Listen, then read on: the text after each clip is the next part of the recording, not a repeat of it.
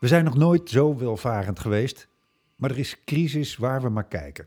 Het is tijd om onze waarden en principes opnieuw te bekijken en nieuwe doelen te stellen. Nou, laat dat maar aan Maya Geupel over. In zeven stappen loodst zij in Onze Wereld Nieuw Denken de lezer door de grootste uitdagingen van deze generatie. Ik ga over dat boek spreken met Marcel Misset, die het vertaalde voor uitgeverij Pluim. Hallo Marcel. Ja, hi.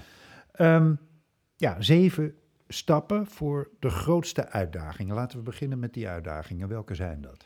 Ja, ik weet niet of uitdagingen helemaal de exacte uh, formulering is. In, in zeven stappen uh, probeert Maya Geupel een beeld te geven van uh, hoe wij nu over de wereld denken. En alternatieven te bieden hoe we over de wereld zouden moeten denken. Mm -hmm. Dus het is niet zozeer een stappenplan als wel een, een, een tocht langs allerlei feiten en gegevens over onze wereld, over onze aarde.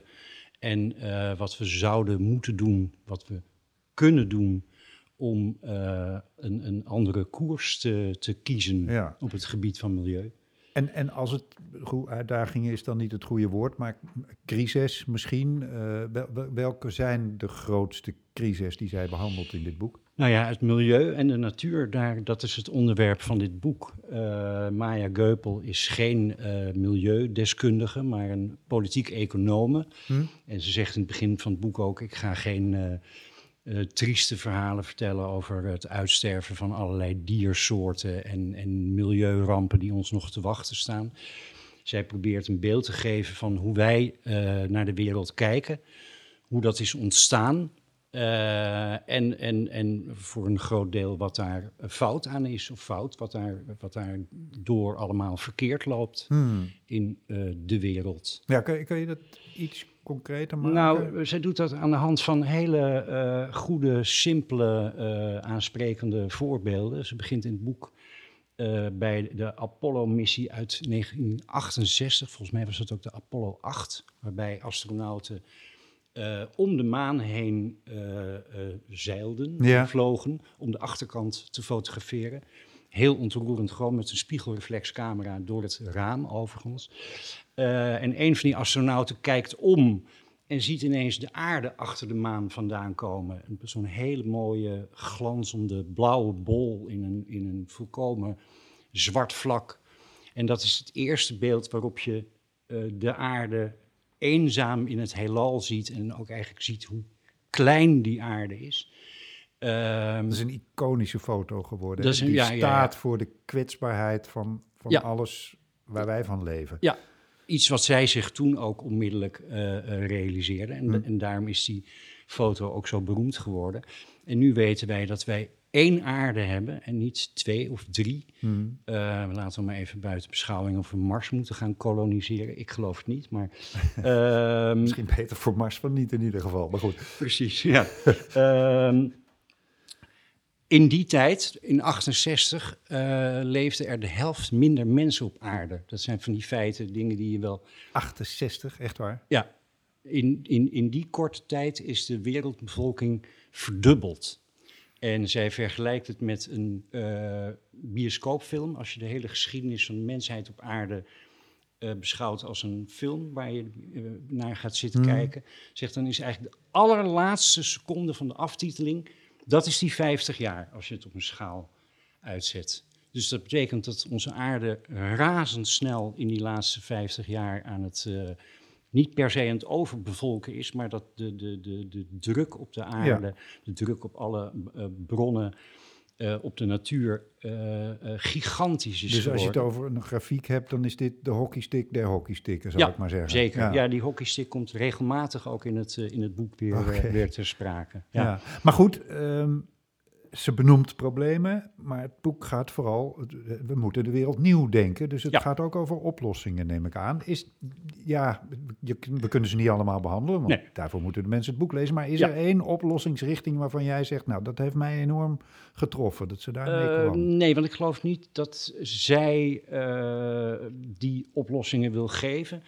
Ik denk dat zij ons in een ander spoor wil zetten. Dat zij op een, op een op, uh, um, de wereld nieuw wil denken.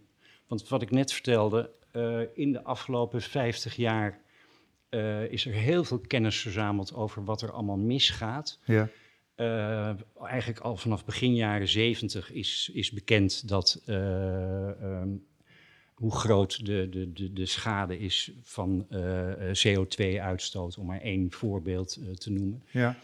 Eigenlijk is er in het lang al bekend, hè? Ja. Als je daarin gaat verdiepen. Waarschijnlijk zelfs al, al, al, al veel langer. Ja. Ehm, maar als je realiseert dat al vanaf begin jaren 70 die problemen eigenlijk vrij zorgvuldig al in kaart gebracht zijn, dan moet je je natuurlijk gaan afvragen hoe het komt dat er in de tussentijd eigenlijk heel weinig uh, aan is gedaan en, Hmm. en wat ermee is gebeurd. Ja. En ehm, uh, dat is dan mijn formulering, maar ik denk dat wij onszelf graag uh, geruststellen Ja. uh, en, en, en wegkijken van al dat soort problemen.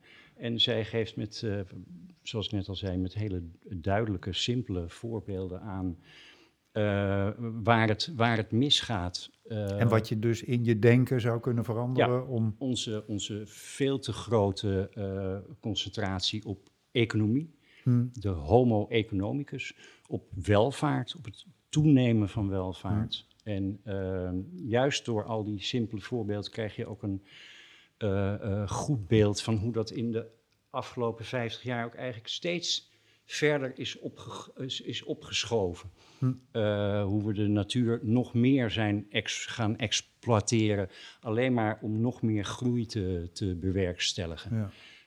Um, Ik, de, een van de dingen waarvan ik bij mezelf uh, altijd constateer dat het me misschien wel weerhoudt van het juiste doen of me inzetten, of is dat als ik ga nadenken over de gevolgen van klimaatverandering, dat het dan zo groot wordt dat ik niet meer weet hoe ik ermee om moet gaan. Nee. Heeft, heeft ze voor dat die is, valkuil ook een advies? Zeker, nou ja, dan, dan, dan zitten we eigenlijk al bijna bij de, bij de conclusie van het, uh, uh, van het boek. Um, zij raden aan om er zelf mee aan de slag te gaan en, en niet af te wachten tot uh, de politieke stappen onderneemt. Zij noemt niet David van Rijbroek, maar ik moest er wel aan denken. Zijn uh, inzet voor burgerfora ja, uh, in, de, in, in, de afgelopen jaren. Daar doet dat, daar doet dat sterk aan, aan, aan denken.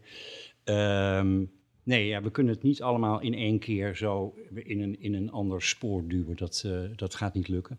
het is dan ook niet voor niets dat ze oproept om te blijven leren, te blijven informeren, vragen te blijven stellen te blijven geloven, maar vooral ook heel vriendelijk en geduldig te blijven tijdens dat hele proces. Medestrijders te zoeken en, en, en, en op onderwerpen die je zelf aangaan, initiatieven te ontplooien. Dankjewel, Marcel Misset. En De Wereld Nieuw Denken van Maya Geupel ligt vanaf 23 februari in de winkels.